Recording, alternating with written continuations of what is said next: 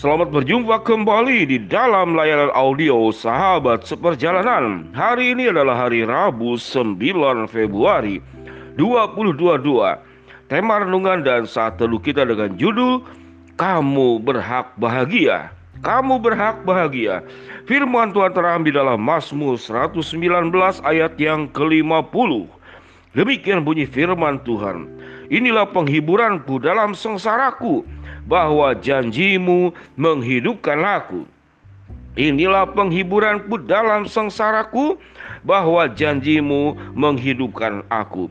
Mari kita berdoa. Bapak yang di dalam surga sering kali kami berpikir bahwa bahagia itu diperjuangkannya sangat sulit. Namun tatkala kami belajar kebenaran firman Allah bahwa bahagia itu diperjuangkan dengan sangat mudah dan bahkan sangat dekat bukan sangat jauh ataupun sangat sulit. Dalam nama Tuhan Yesus kami berdoa. Amin. Shalom sahabat seperjalanan yang dikasih Tuhan Mana yang kita yakini sebagai sebuah kebenaran Yang pertama bahwa bahagia itu sangat sulit dan sangat jauh Yang kedua bahwa bahagia itu sangat dekat dan sangat mudah Pilihannya bagaimana? Bahagia itu sangat sulit dan sangat jauh atau bahagia itu sangat dekat dan sangat mudah. Sahabat seperjalanan, kedua pertanyaan ini kita akan mendapatkan jawabannya setelah kita mendengarkan renungan sahabat seperjalanan yang berdasarkan Mazmur 119 ayat yang ke-50. Sebelum kita menentukan mana pilihan yang benar, bahwa bahagia itu sangat sulit dan sangat jauh, atau bahagia itu sangat dekat dan sangat mudah. Kita akan belajar dulu penyebab-penyebab seseorang itu tidak bahagia sebelum penyebab seseorang itu menjadi bahagia. Ada banyak catatan sahabat seperjalanan kalau kita mencari berbagai macam sumber. Apa penyebab tidak bahagia? Saya mencatat di sini ada tujuh penyebab menyebabkan seseorang itu tidak bahagia. Yang pertama adalah Seseorang itu sulit bahagia tatkala dia mengharapkan pujian setelah berbuat baik. Jadi dia mengharapkan pujian setelah berbuat baik. Punya sifat seperti ini, bahagia menjadi sangat jauh dan sangat sulit. Yang kedua, penyebab tidak bahagia itu berharap terlalu tinggi, menaruh ekspektasi terlalu tinggi. Ini yang menyebabkan bahagia itu menjadi sangat sulit dan sangat jauh. Yang ketiga, lebih banyak mengingat kesalahan orang lain daripada mengingat kebaikannya. Ini yang menyebabkan seseorang itu bahagia itu menjadi sangat sulit dan sangat jauh. Yang selanjutnya yang keempat, suka berprasangka buruk. Jadi pikirannya negatif. Negatif thinking, berprasangka buruk tidak belajar melihat sisi positifnya, berprasangka buruk. Ini yang menyebabkan seseorang bahagia itu menjadi sangat sulit dan sangat jauh. Yang kelima, tidak bisa berdamai dengan diri sendiri yang mengakibatkan sulit memaafkan orang lain dan mengingat-ingat akan sakit hati dan juga kesalahan orang lain. Jadi tidak bisa berdamai dengan diri sendiri. Ini yang menyebabkan bahagia itu sulit dan jauh. Yang keenam, bertindak tanpa berpikir. Seseorang yang suka bertindak tanpa berpikir menganggap tindakannya itu akan berhasil tidak memikirkan akhirnya yang ter yang terjadi adalah kekecewaan. Ini yang menyebabkan bahagia sulit dan jauh. Dan yang ketujuh dari sekian banyak yaitu kebiasaan suka mendominasi dan ambisius luar biasa. Mendominasi dan ambisius itu artinya setelah engkau bisa sampai kepada langit yang pertama engkau akan berjuang ke langit yang kedua Setelah mencapai langit yang kedua engkau berjuang kepada langit yang ketiga dan tanpa ujung jadi orang yang ambisius, orang yang suka mendominasi, orang yang tidak bisa bekerja sama, orang yang tidak bisa berbagi kebahagiaan, dia akan sulit untuk mendapatkan kebahagiaan yang dekat dan mudah. Sehingga dengan demikian sahabat seperjalanan engkau berhak untuk bahagia. Bukan bahagia karena pencapaian. Tapi kalau kita kebalikan. Yang pertama engkau berbuat baik dan tidak terlalu berharap pujian. Engkau akan punya bahagia dekat, dan juga mudah.